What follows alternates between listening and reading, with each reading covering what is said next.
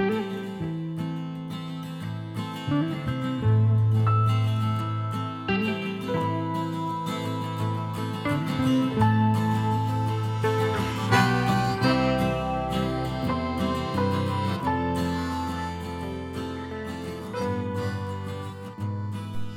och välkommen till podden Ortodox kristen tro. Och nu så ska jag avsluta serien om liturgin. Det blir det tionde och allra sista avsnittet och det blir en intervju, eller rättare sagt ett samtal med en god vän. Han heter Johannes Pulkanen och han är teologie doktor och vi pratar om ämnet, eller under rubriken Liturgin efter liturgin. Alltså liturgin efter liturgin. Sammanfattningsvis kan man väl säga att det är det kristna livet i ljuset av nattvarden. Vi börjar att samtala om Johannes egen personliga resa till att bli ortodox. Och sen efter ungefär 20 minuter så inleder vi vårt samtal på det temat. Men innan ni ska få lyssna på vårt samtal så ska jag rekommendera en bok. Under vårt samtal så kommer vi vid några gånger in på alla martyrerna som led under Sovjet i Ryssland. De ryska, den ryska kyrkans martyrium. Johannes har varit student i Sankt Petersburg bland annat. Och eh, det finns en bok som heter Katedralen som sprängdes, den ryska kyrkans martyrium 1918 till 1938. Och den är skriven av Torsten Kälvemark och handlar om ortodoxa kyrkans martyrium i, eh, under Stalin, Lenin och Stalin. Och det är en bok som jag har läst som verkligen Eh, fick mig att bli tårögd vid flera tillfällen. Därför att det var så grymt. Det som de kristna fick erfara under denna förföljelse. Och det är något som inte många känner till i västvärlden. Och därför är det också en väldigt angelägen bok. Boken heter alltså Katedralen som sprängdes. Den är skriven av Torsten Kälvemark och den är utgiven på Artos bokförlag 2018 på 182 sidor med mycket spännande läsning, många vittnesmål, personliga vittnesmål och martyrakter och eh, domstolsakter.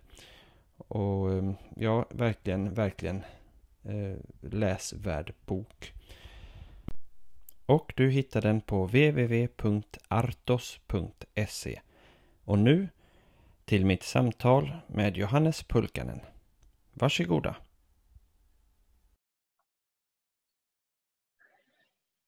Hej Johannes Pulkanen och välkommen till podden Ortodox kristen tro. Väldigt roligt att ha dig med. Tack, tack. Eh, ja, Johannes Pulkanen, eh, du är ortodox. Vilken församling i Sverige tillhör du?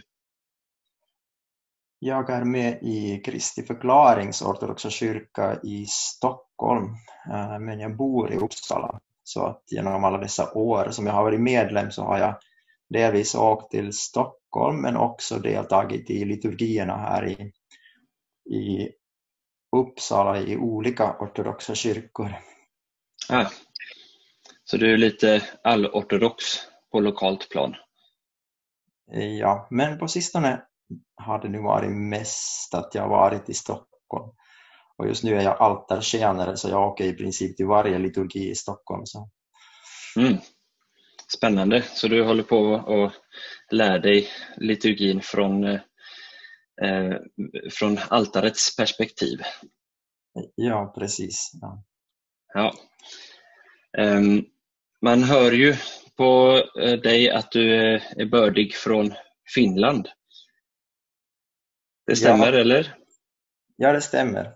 Och eh, jag har ju jag kom till Sverige i början av 1993 direkt mm. från studierna i Sankt Petersburg.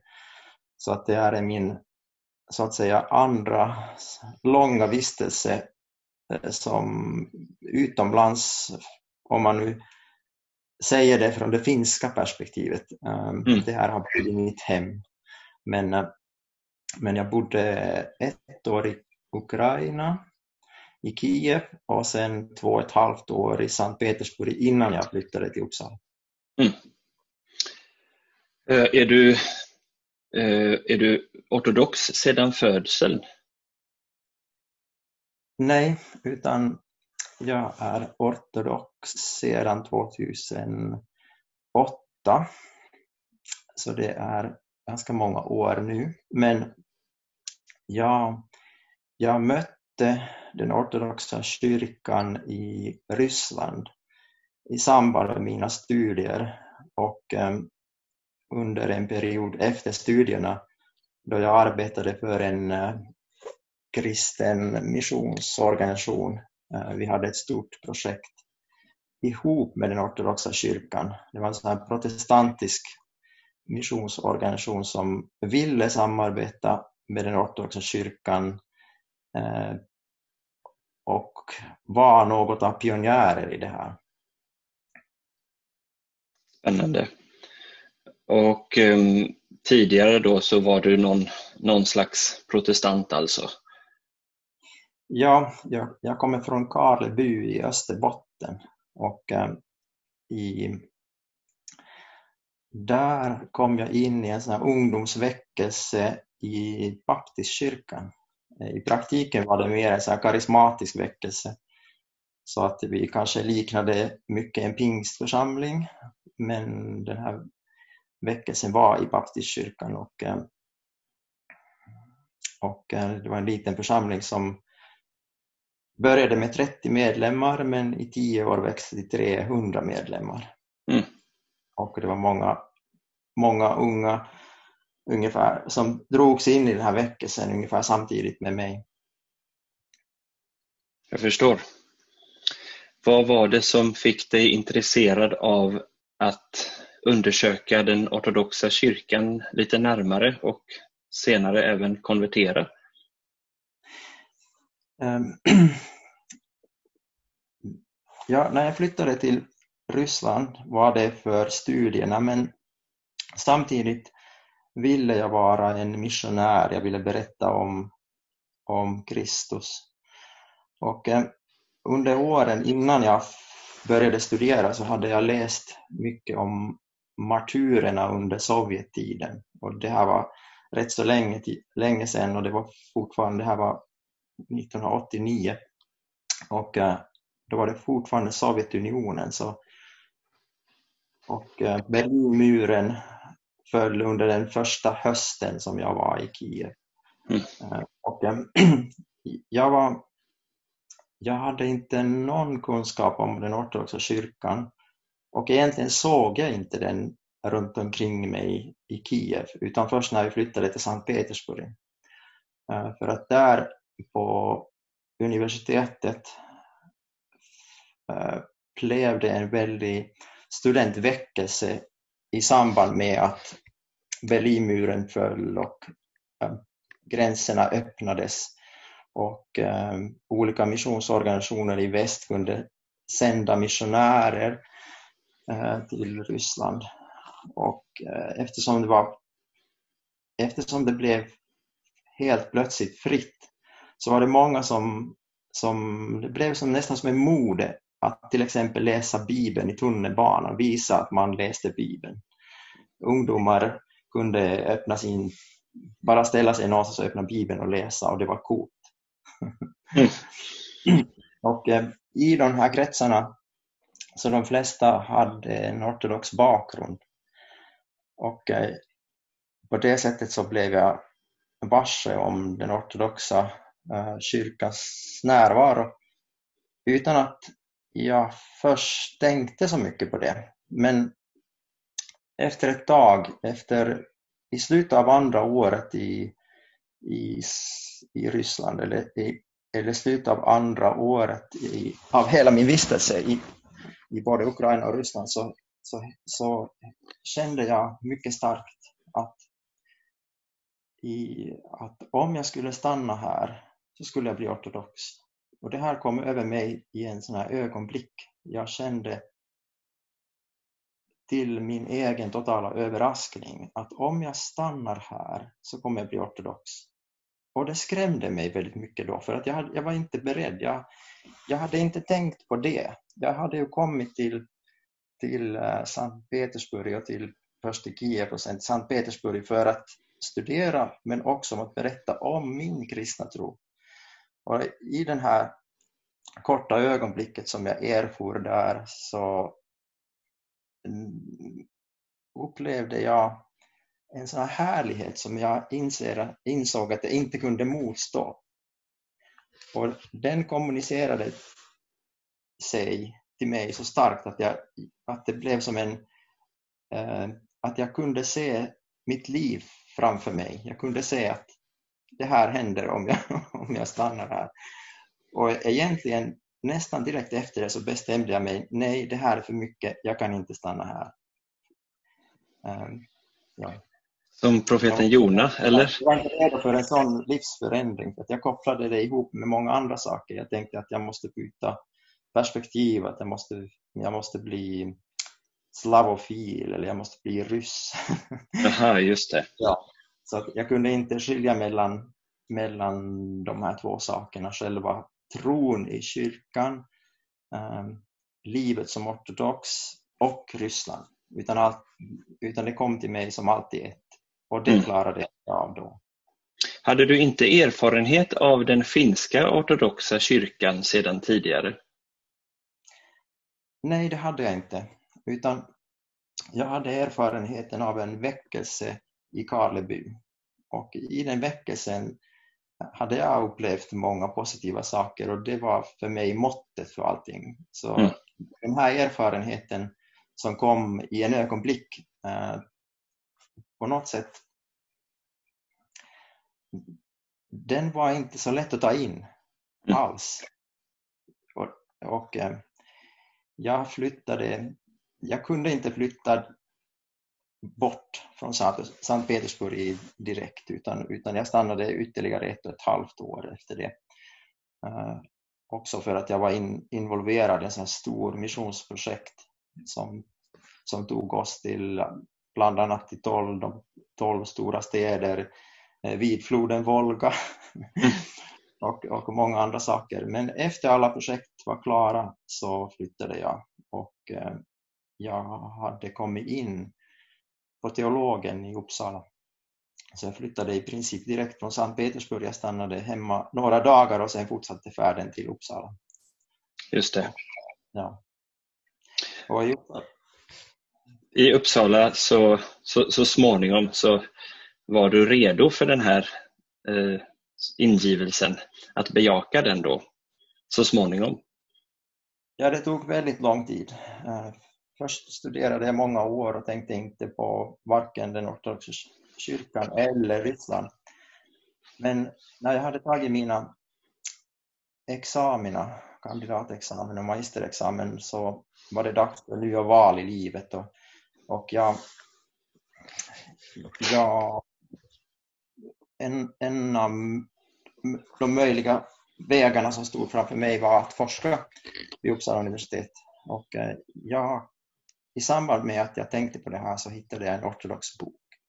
Vladimir Loskis Östkyrkans mystiska teologi som jag eh, fann på biblioteket och tog, började läsa och i samband med det så kände jag helt plötsligt att eh, jag får svar på frågor som jag egentligen burit eh, sedan den här erfarenheten i Sankt Petersburg.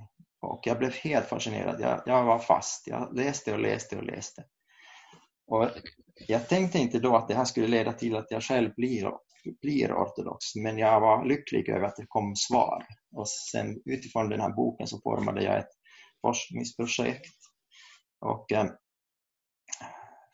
började arbeta med både ortodox material och katolskt material, men tänkte fortfarande inte att jag skulle bli ortodox. Men sen i samband med att jag sen läste eh, ortodoxa helgon, i synnerhet den Symeon, nya teologen, så började jag känna att nu läser jag någonting som på något sätt eh, kräver någonting mer av mig. Jag kände att här, de här texterna har kommit Eh, från liv på ett sätt som gör att, det, att de inte bara kan tas emot teoretiskt. Och jag formulerade en tanke att jag skulle försöka be lite som munkarna bad i klostret. Och när jag såg att de bad tidegärden till exempel så, så tänkte jag att det skulle vara roligt att försöka börja med någonting så enkelt som att be några tidegärd. Mm. Och tre dagar efter att jag hade formulerat den här tanken medvetet så kom, knackade en student på min dörr och visade mig en översättning som han hade gjort av den ortodoxa tidegärden. Och jag blev väldigt tagen av det, för att jag hade inte sagt till någon att jag ville testa be den ortodoxa tidegärden. ja, och eh, det var, det var David Hidstade som är idag själv liksom en ortodox eh, forskare och han har publicerat några böcker, men vid den tiden var han student. Just det. Och, eh, och när jag fick den här översättningen fint formaterat som ett litet häfte och började bläddra i den så helt plötsligt den här känslan som jag hade haft i Sankt Petersburg kom över mig igen eh, som en förälskelse. Och jag blev alldeles chockad. Jag kände att jag vill slänga mig över de här bönerna och bara be allting. Mm. Och eh, i den, när, när, den här, när det här hände så fick jag först några sådana här tankar så att nej, jag måste sortera bort sådana här böner som inte inte kan vara rätt eller som inte utifrån all den teologi som hade anammat en, tills den här stunden. Men, men vid det laget hade jag läst så pass mycket ortodox teologi så jag insåg att nej, det är ingen ortodox attityd. tar jag det. Antingen tar jag det bara, jag slänger mig över det och låter det hända med mig, låter den liksom göra det det kan göra med mig.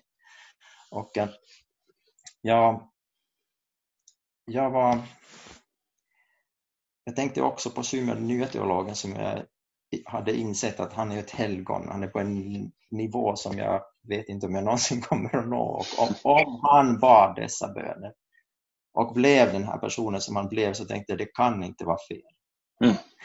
Och eh, jag började be. Ja, jag tänker utan några instruktioner annat än det som stod på själva bönerna. Så jag tog äh, tredje timmen, sjätte timmen, tredje timmen. Jag tror att jag bad äh, det till och med den första timmen många morgnar hemma vid klockan sex, sen klockan nio på kontoret, sen klockan tolv, sjätte timmen, sen nionde timmen klockan, klockan äh, tre och, och, och, så flera månader i rad.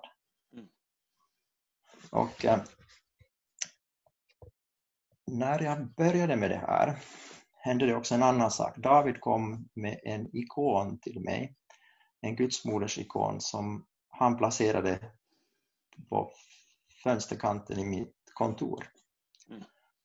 Och det var en mycket vacker ikon, eh, mycket enkel, det var bara en bild inglasad men, men jag upplevde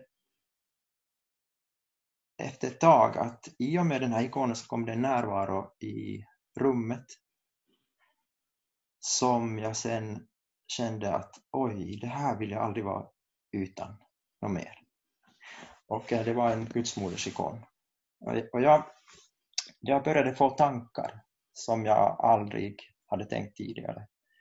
Den första tanken som kom till mig var själva den här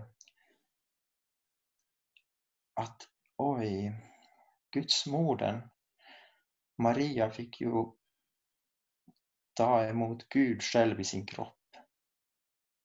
Och den tanken helt plötsligt blev mycket verklig för mig. För det är märkligt att man beroende på något sammanhang inte tänker på sådana uppenbara saker, men det är ju precis det som berättelsen går ut på. Hon tar emot Gud i sin egen kropp och jag tänkte, vad händer med en människa som tar Gud i sin egen kropp? Och när jag tänkte det så blev jag nästan skrämd. Jag vågade inte tänka längre än så. Det var bara att det blev så verkligt att ta Gud i sin egen kropp. Vad händer med en sån människa? Vad får det för konsekvenser? Och jag blev alldeles häpen också för att jag hade aldrig tänkt på det tidigare. In, mm. Inte så riktigt, inte så här som, som någon verklighet. Och de här tankarna, eh, och sen lät det bara det passera. Och eh, några dagar senare så kom det ytterligare några tankar som jag aldrig hade tänkt tidigare. Nästa tanke var att, var att eh, när det står i Nya Testamentet, när Maria säger om sig själv att efter ska alla släkten prisa mig salig. Att det måste bara betyda, eftersom det står i skriften och eftersom skriften är inandad och inspirerad av den helige Ande, så måste det betyda att någon mening att det är Herren själv som prisar henne i kyrkan. Den här att man prisar henne salig går tillbaka till Herren Jesus Kristus själv. Mm. Och att det visar på hans kärlek till henne och i och med det till människan. Till, och det är det som man den, den, den ömheten som finns i det här sa mig någonting om Herren som jag inte, hade, inte heller hade egentligen tänkt. Att, han, att en sån kärleksförklaring som heter duga genom sekel efter sekel eh, så som vi i liturgin avslutar alla böner eh, tillsammans med alla de heliga och Guds moder. Guds moder. Och, och det har generationer av kristna gjort alla århundraden mm, och förstått det här på något sätt, men för mig har det gått helt förbi. Men, så det slog mig också som, som lite som en bomb och, och det sa mig helt nya saker om Herren själv. Och sen den tredje tanken som kom, det var den sista, sista eh, hur ska man säga, den avgörande. Jag började tänka färdigt på det här, att vad det betyder att ta emot Gud själv i sin kropp. Och jag formulerade det som att men hon har ju hon var ju med om den första nattvarden. Det här är ju det som händer med varje kristen i eukaristin. Man tar emot Herren Jesus Kristus i sin egen kropp och hon är på ett sätt prototypen. Hon får vara med om det först. Och, sen alla efter henne också. Och den och sen kände jag mig helt dum.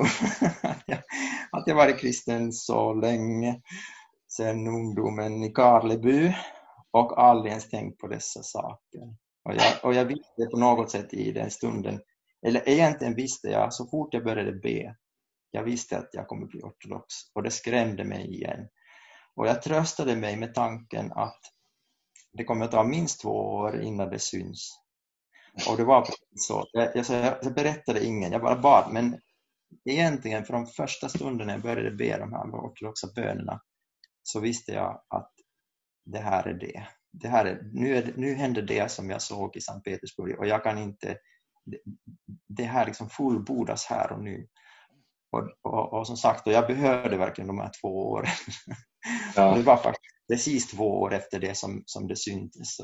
Och däremellan så hann jag eh, hitta någon att prata med. Det blev prästen i Kristi förklaringsortodox kyrka, fader Anger Velitskov, som också var den tiden Davids eh, biktfar. Mm.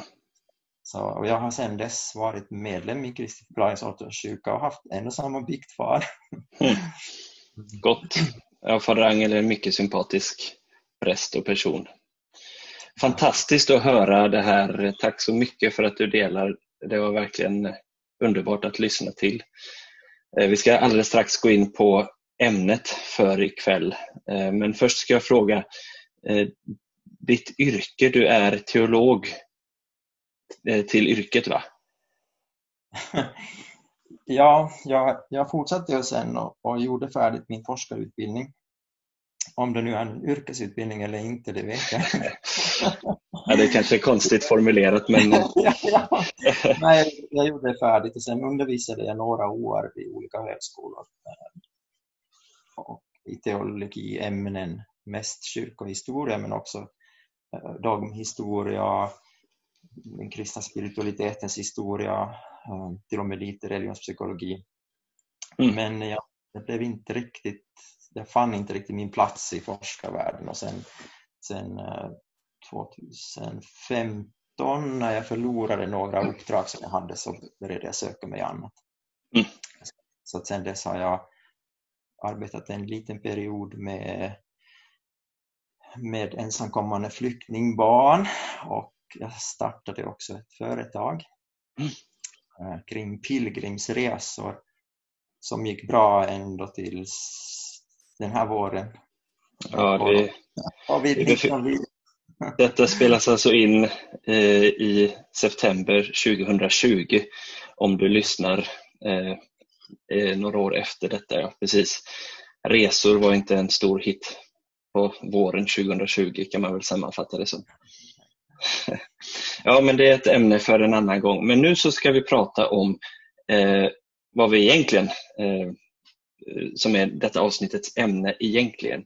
Och Det är så då att jag har haft en kurs eh, i vår församling i Göteborg och jag har även haft en serie på den här podden eh, där jag går igenom den gudomliga liturgin. Eh, och eh, Det har blivit nio avsnitt eh, i den här podden som jag har gått igenom med historia, teologi och eh, symbolik och så vidare i eh, den gudomliga liturgin. Ganska gediget. Och eh, nu så har jag eh, frågat dig Johannes om du vill komma och eh, prata med mig om ett begrepp som förekommer i ortodoxa kyrkan. Nämligen liturgin efter liturgin. Eh, vad betyder det? Om vi tar det nu med lite enkelt så liturgin efter liturgin, det är ju livet efter gudstjänsten i vardagen kan man också prata om. Eh, för att om, om vi nu kommer till gudstjänsten så fortsätter ju gudstjänsten också i vardagen och eh, båda de här delarna hänger ihop eh, helt, helt och hållet. Mm.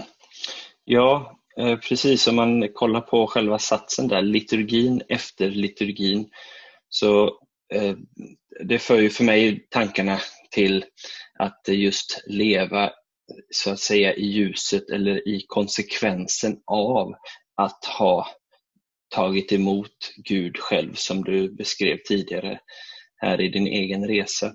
Att eh, ja, bära med sig det ut i vardagen. Och eh, utgå från det och på ett plan så eh, eller det är det första jag tänker på. Eh, det andra jag tänker på är att eh, eh, man måste först ha ändå eh, tagit emot nattvarden, eukaristin, för att eh, överhuvudtaget kunna eh, så att säga Eh, att, det, att ens eh, verksamhet i världen ska eh, bära frukt. Vad tycker du? Har jag, eh, stämmer det, tycker du, eller har du något eh, annat att säga om det? Nej, det är, det är ju på något sätt att, att, att hela kyrkan handlar om att ta emot Kristus på många olika sätt och liturgin och eukaristin har ju en särställning naturligtvis som har att göra med just det som vi pratade om tidigare, det här konkreta emottagandet av Herren eh, själv, av Gud själv i ens egen person. Och det faktum att det, att det, är, det upprepas, det är inte som dopet som, som är en engångshandling. Utan, utan själva eukaristin upprepas söndag efter söndag eller så ofta man nu kan och, och är beredd att ta emot eh, Herren själv på det här sättet. Och det, det har liksom många olika betydelser. Just det att, att, att man tar emot Herren på ett sätt, det räcker inte att ta emot honom en, en gång, och samtidigt räcker det. Men ändå har Gud själv ordnat det så att vi tar emot honom liksom upprepade gånger. Mm. Och eh, det, det, det, finns, det är på något sätt paradoxalt så som mycket i tron. Eh, på ett sätt är att jag tar emot Kristus, det räcker ju för allt. och det, det, borde liksom på ett sätt tänkas att det räcker för all tid också. Det räcker för, jag har tagit emot honom, vad, vad mer finns det? Mm. Och ändå har Herren ordnat det som en måltid som upprepas. Och eh, jag tror att just det här finns det så mycket, det tyder på att, att det finns någonting som måste hända i vardagen efter. Om det bara var på något sätt färdigt efter att jag har tagit emot Eukaristin en gång, då skulle det inte på ett sätt kräva eller förutsätta någonting mer, men eftersom det är ordnat så att, att vi tar emot Herren ofta.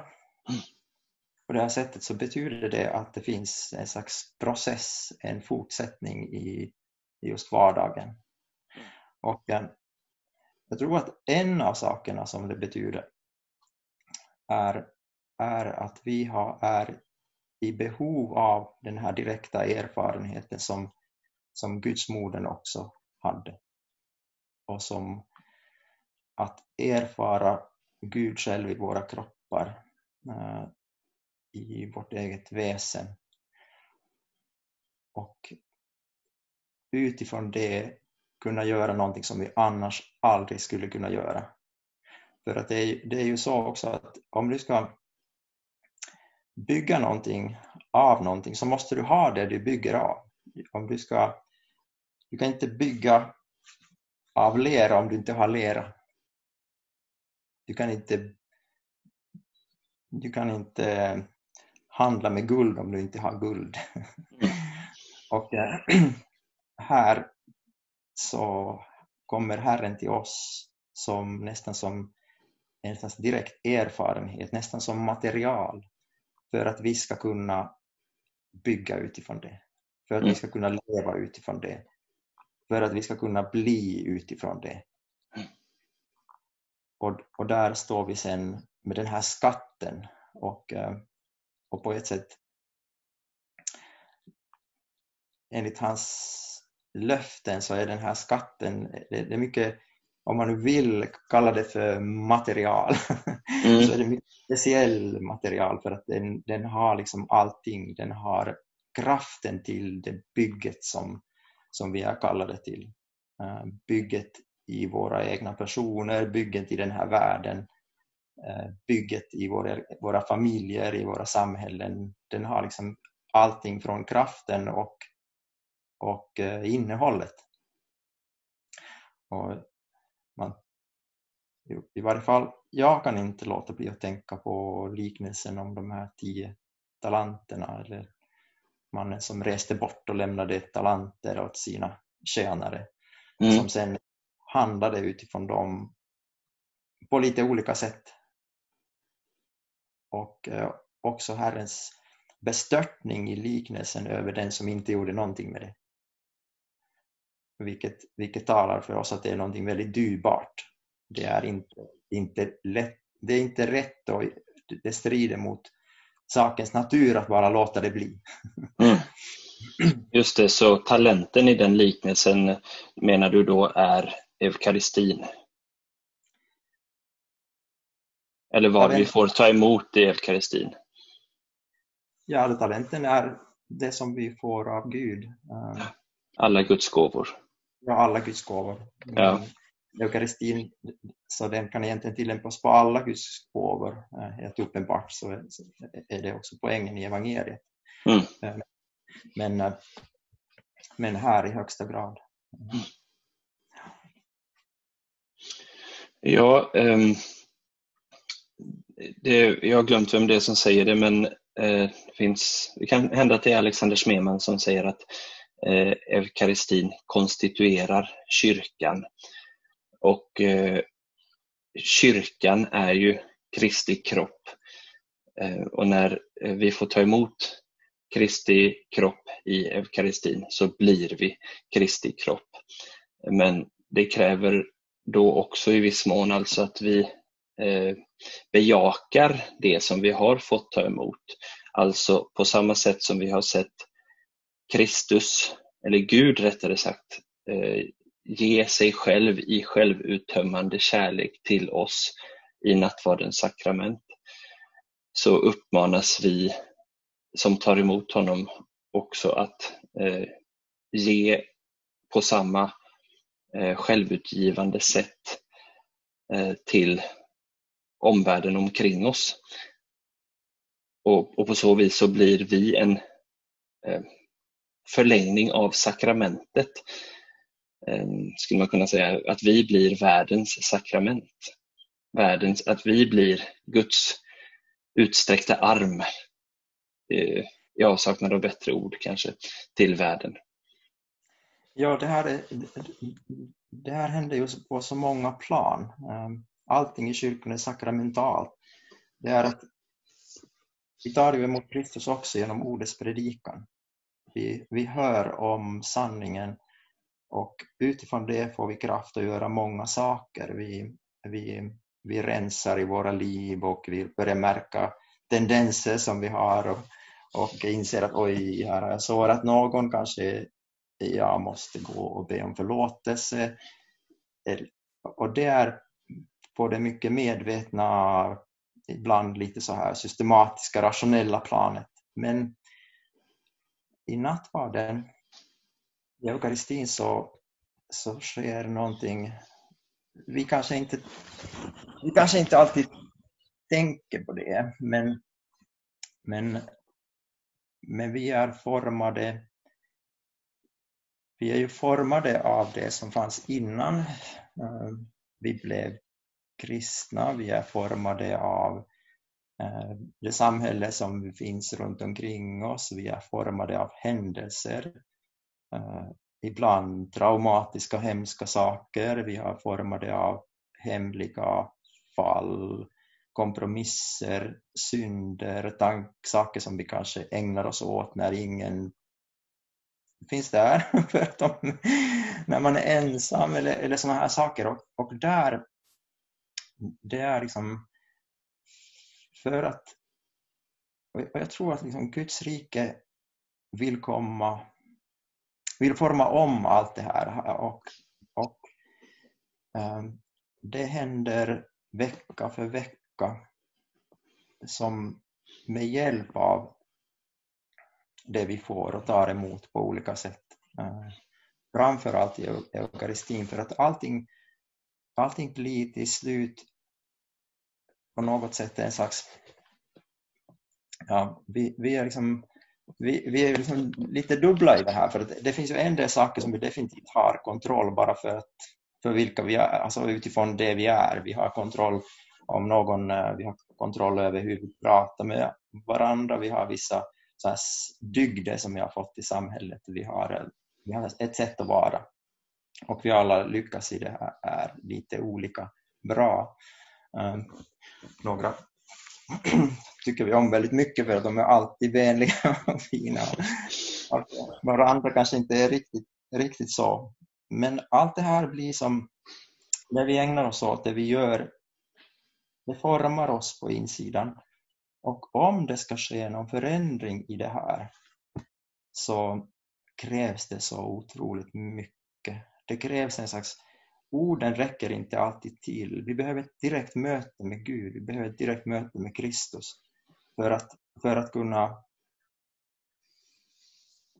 för att kunna, kunna omformas. för att, för att Guds närvaro ska nå uh, oss och allting i oss. Och, och för det här så har Gud gett oss den här gåvan, sig själv, sitt kött och blod, som, som vi erfar. Och jag tror att det är, det är, vad ska man nu jämföra med det, det är nästan som en slags om man nu vågar säga det, men nästan så här kontinuerlig exorcism. mina, mina hemska tendenser sitter ganska djupt. Ja, mina jo. drömmar om någonting, eh, om saker som jag aldrig berättar för någon, de kan liksom invadera mig. Jag kan leva i jag kan leva parallellt i någonting på insidan Mm. som egentligen tar all min energi och det tar min kärlek också. Så att jag inte älskar mina, mina närmaste. Men och enbart med hjälp av detta mirakel, enbart med hjälp av Guds direkta ingripande, Guds direkta beröring av mig så kan jag kan Guds rike nå även de här dunkla hörnen. Mm. Men genom det alla min omgivning blir lyckliga och eh, om det fortsätter så, så det, det är ju Serafim av Sarofon som har pratat om det här att om, om en människa når den riktiga friden, om, om en, en människa blir fylld av Kristi frid och eh, blir nådd helt och hållet på insidan så, så tusenden blir välsignade. Just det, precis. Och man, man pratar ibland också om en eh, slags helighetsdoft eh, som sådana människor metaforiskt kanske utsöndrar. Eh, som liksom, ja, en, en Guds rikes doft eh, som sprider sig kring människor som eh, låter den förvandlingen ske. Men det, eh, jag tycker du, det är ett jätteintressant resonemang. Eh, jag tänker ju på hela kyrkans liv som medicin för människorna.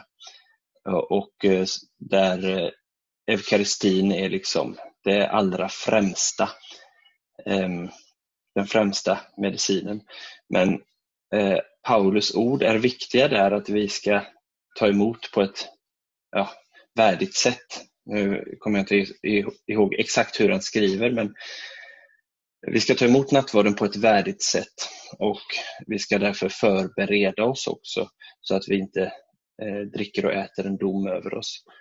Ehm, så att den här födan som vi tar emot blir till liv och inte till dom eller fördömelse.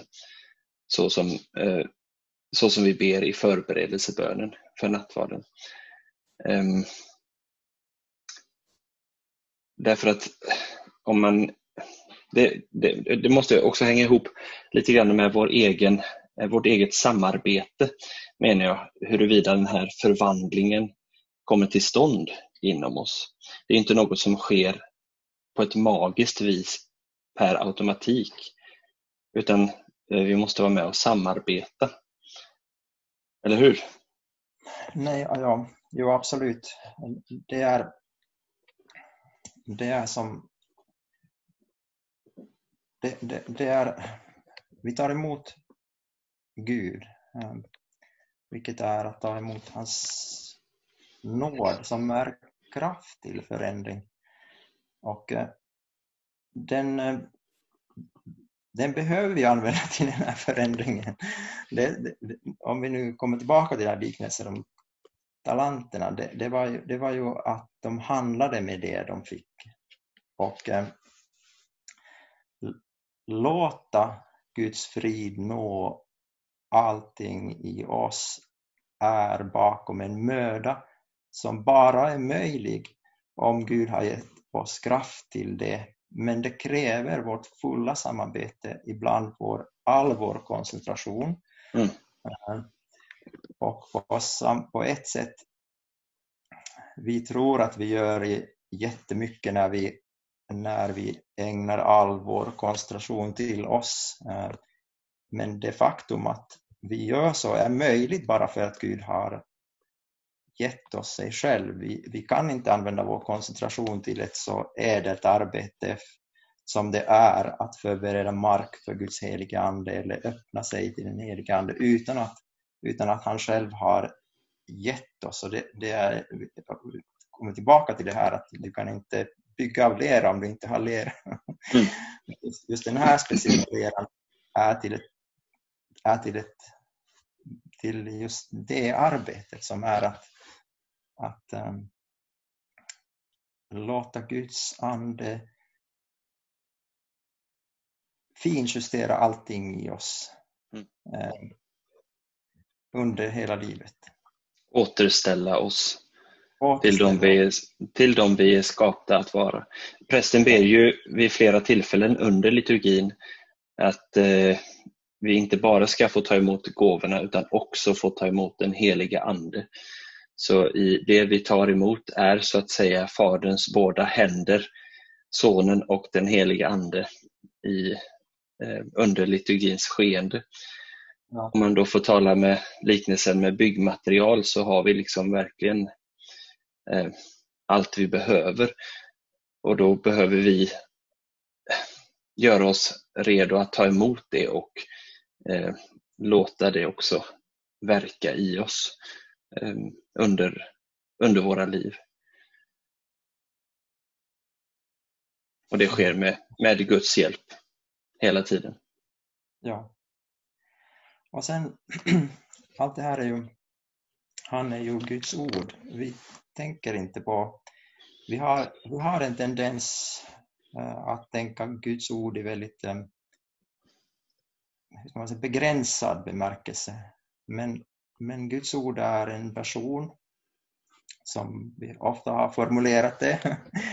Men vad betyder det egentligen? Det är, det är att allt liv finns i Guds ord, i den här personen. Allt liv utgår ifrån honom som, jag har ibland använt den här liknelsen, att det är som vibration som, som går igenom, vibrationer som går igenom hela universum. Eh, det finns som en, som en musik som, som går igenom hela universum och du kan för att bli lycklig på riktigt, för att, ehm, för att nå sin fulla mening i livet, för att, för att själv bli konst.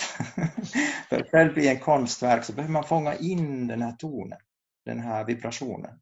Och ehm, det är det som eukaristin hjälper oss att göra.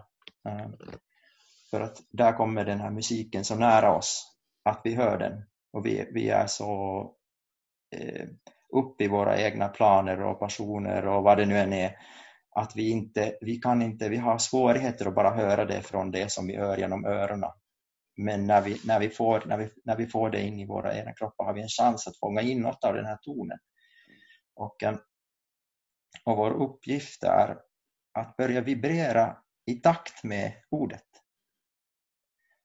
Ehm, och det händer ju på många olika plan, genom undervisning, genom allt som finns i kyrkan, genom all musik, genom, genom ikonerna, genom Guds olika sätt att handla gentemot oss, genom det som vänner ibland viskar till oss och uppmuntrande ord från någon och ibland förmaning från någon annan. Ehm, ibland en reaktion när någon blir sårad, eh, ibland en händelse som vi inte ville att skulle hända. Men allt det här enligt Guds ord verkar till vårt goda, till vårt bästa. Allt det här är, eh, hjälper oss att, att stämma in i tonen. Och, och vi ser det ju i helgonen. En hel, ett helgon är en person som, som har börjat vibrera i takt med Guds ord, med den här musiken, den här konsten som konstant flödar ur Herren. Mm. Och, och, och det är en, och, och där, där är liksom hjälper eukaristin oss att öppna oss för det här. Um, och, och, det är den kristnes arbete som är för allas bästa utifrån det som vi redan tog upp med Serafim och Sarov. Och, mm. och det är just därför Herren, Herren väljer att berömma Maria som insåg stundens storhet och valde att försöka lyssna in vad Herren hade att säga. Han vill, hon ville inte missa det unika med att på, på riktigt se Herren själv, Gud själv i köttet, det som mycket få människor har, har fått erfara under en generation under, i ett mycket, på ett mycket begränsat område. Mm. Hon ville inte missa och fick beröm av det. Mm. Ja, och Herren berömde henne. Ja. Vad, vad skulle hända om kyrkan inte längre av någon anledning eh, hade möjlighet att fira eukaristin?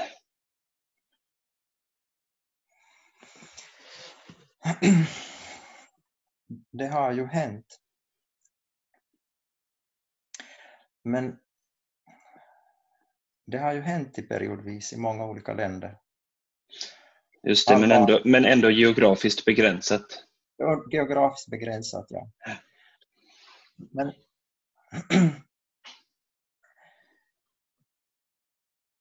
jag,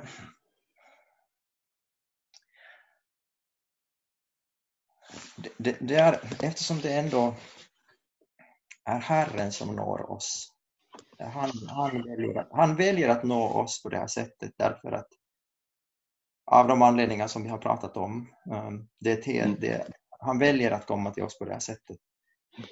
Men han, han kommer till oss på många olika sätt. Mm. Jag, tror att, jag tror att det är så hypotetiskt att det egentligen inte är tänkbart. För han har valt det här så kommer det bestå. Um, men erfarenheten som kyrkan har, har gjort visar att, att han alltid är, och ordet säger det, han alltid är trofast. Han når oss. Han kommer till oss på eh, många olika sätt. Mm. Han är alltid med oss i alla, alla, alla omständigheter. Även i en sån här hypotetisk situation att vi inte skulle komma, kunna komma till kyrkan eller få del i, i nattvarden. Han ser ju vad vi saknar i så fall. Mm. Eh, har, har sina medel att, att hjälpa oss på andra sätt. Men, men så som vi läser i skriften Johannes evangeliet sjätte kapitel. Och, eh, så, så det här är så alldeles centralt, central ja. del av frälsningsplanen. Absolut, eh, det, eh, det är ju så att säga grundplanen. Och man märker också när man läser, du sa att du hade läst mycket om de kristna martyrerna i Sovjet.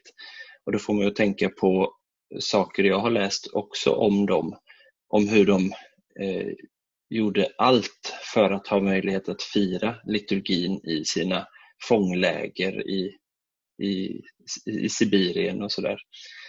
Eh, så även när situationen är extremt pressad så gör kyrkan eh, allt vad hon kan för att ändå kunna fira eh, eukaristin.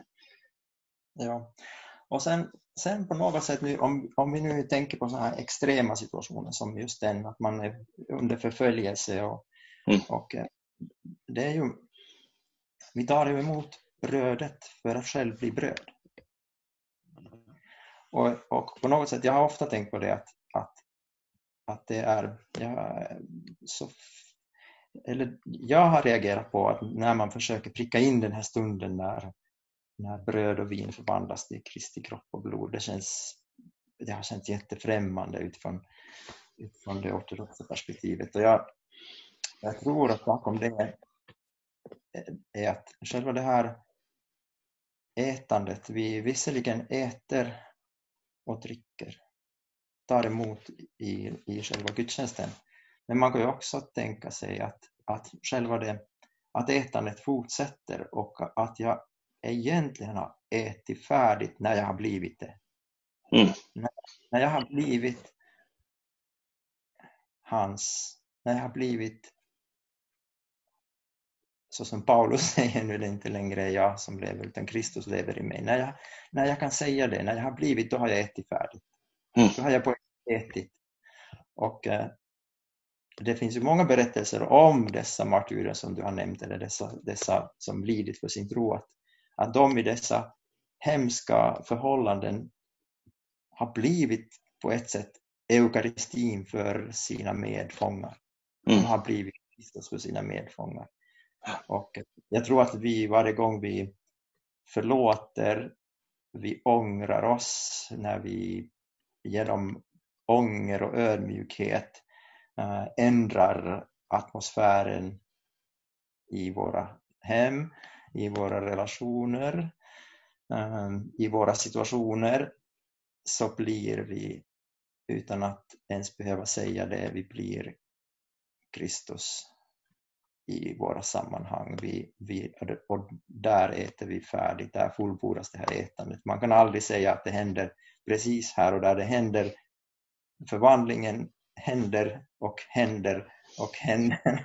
Mm. Det händer i kyrkan, det händer, det händer när jag det, det, det händer när, det, när det, man ber över gåvorna, det händer när det räcks till mig, det händer när jag tar emot, det händer direkt i de här orden som jag säger efter liturgin. Ehm, jag kan, jag kan välja att säga, säga och tala i enlighet med vad jag har tagit emot. Och när jag mm. gör det så fortsätter ätandet och fullbordas. Just det. Jag kommer att tänka på ett väldigt tydligt exempel eh, som ju är Stefanos, den eh, första eh, diakonen som när han stenas just ber för sina, de som stenar honom. Förlåt dem, de vet inte vad de gör och så vidare. Ja.